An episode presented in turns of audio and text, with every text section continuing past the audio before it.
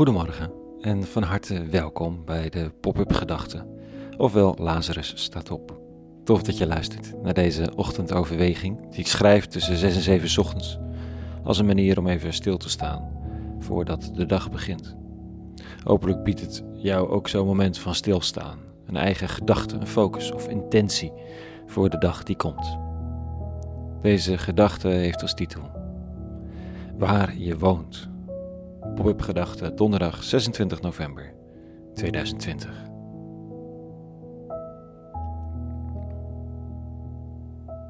Ik kom uit een dorp, meerdere dorpjes eigenlijk, en woon nu de jaren van mijn werkende leven in een stad. Een grote, soms snelle stad voor Nederlandse begrippen. Een kleine, gemoedelijke stad voor internationale begrippen. Ik bedoel, Amsterdam is klein en gezellig, vergeleken met New York of Londen.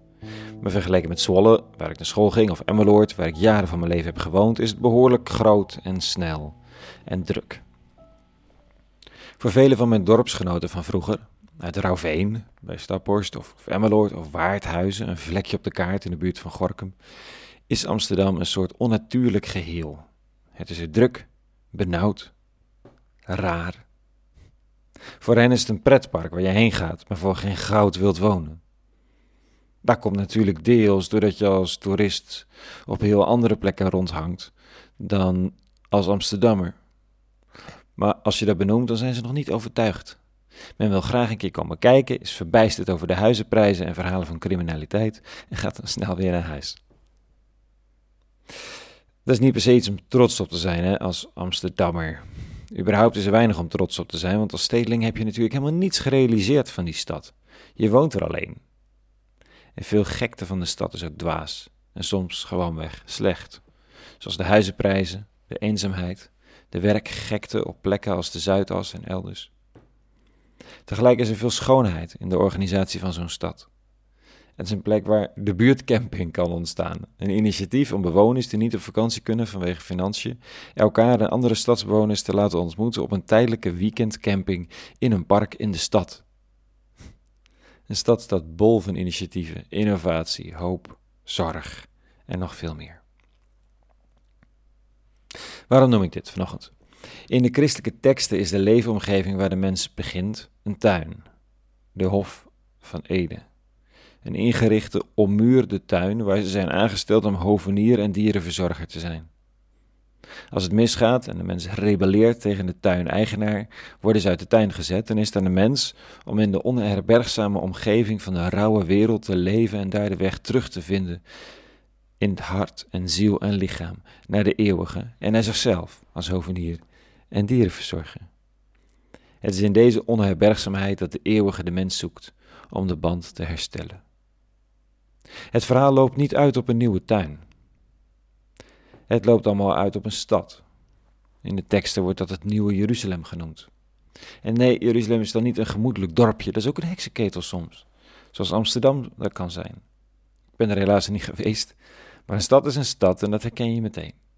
In elk geval is het Nieuwe Jeruzalem geen dorp, geen tiny house verzameling, geen hutje op de hei, geen verzameling uitgestrekte landerijen met boerderijen in Staphorster groen, wit en blauw. Het is een stad. En een stad is cultuur, vormgegeven. Het is beleid, keuzes, ingericht door de mens. En daar komen jij en ik om de hoek kijken, ook vanochtend. In wat voor nou, stad woon jij? Van welk geheel aan cultuur, beleid en keuzes maak jij deel uit? De route van de mens loopt namelijk volgens de oude teksten uit op twee steden. De ene stad heeft geen toekomst. Die wordt Babel genoemd. De andere tekst is de toekomst. Die heet Jeruzalem. Daar gaan de teksten loskomen van de daadwerkelijke werkelijkheid van steden op aarde en worden ze een spirituele vraag. Van welke eenheid maak ik deel uit? Welke vormgegeven eenheid? Vanochtend staat er dit in de lezing uit het apocalyptische boek Openbaring. Ik, Johannes, keek toe en zag een andere engel uit de hemel neerdalen. Toegerust met grote macht, en de aarde werd verlicht door zijn luister. Hij riep met machtige stem en sprak gevallen, gevallen, het grote Babylon. Het is een woonplaats van duivels geworden, een schuiloord van allerlei onreine geesten, een toevlucht van allerlei onreine, afschuwelijke vogels. Toen hief een machtige engel een steen op, groot als een molensteen. Hij wierp hem in zee en sprak: Zo zal met één slag Babylon worden neergeworpen, de grote stad. Men zal hen nimmer meer vinden. Van welke stad, overdrachtelijk gesproken, maak ik onderdeel uit? In welke straten begeef ik me als ik werk, als ik gesprekken voer, als ik keuzes maak qua inrichting van mijn leven? De ene stad is de toekomst, de andere duidelijk niet. Het zijn mij om af te vragen hoe ik mijn leven zo vormgeef dat het iets weerspiegelt van wat die oude teksten Jeruzalem noemen. En afstand hou en creëer van wat Babylon heet. Om de ziel niet te beschadigen, om het oog open te houden. En het vraagt om actieve keuzes. Voor dorpskinderen zoals ik en stadsbewoners zoals de mensen waar tussen ik woon in Amsterdam. Het gaat niet om een scheiding tussen wat nu stad en platteland is, maar om de vraag van welke stad van de toekomst ik onderdeel uitmaak, gezien de inrichting van mijn leven. En waar ik graag zou willen zijn. Tot zover vanochtend. Een hele goede donderdag gewenst. En vrede in alle stilte of hectiek van je leven. En alle goeds.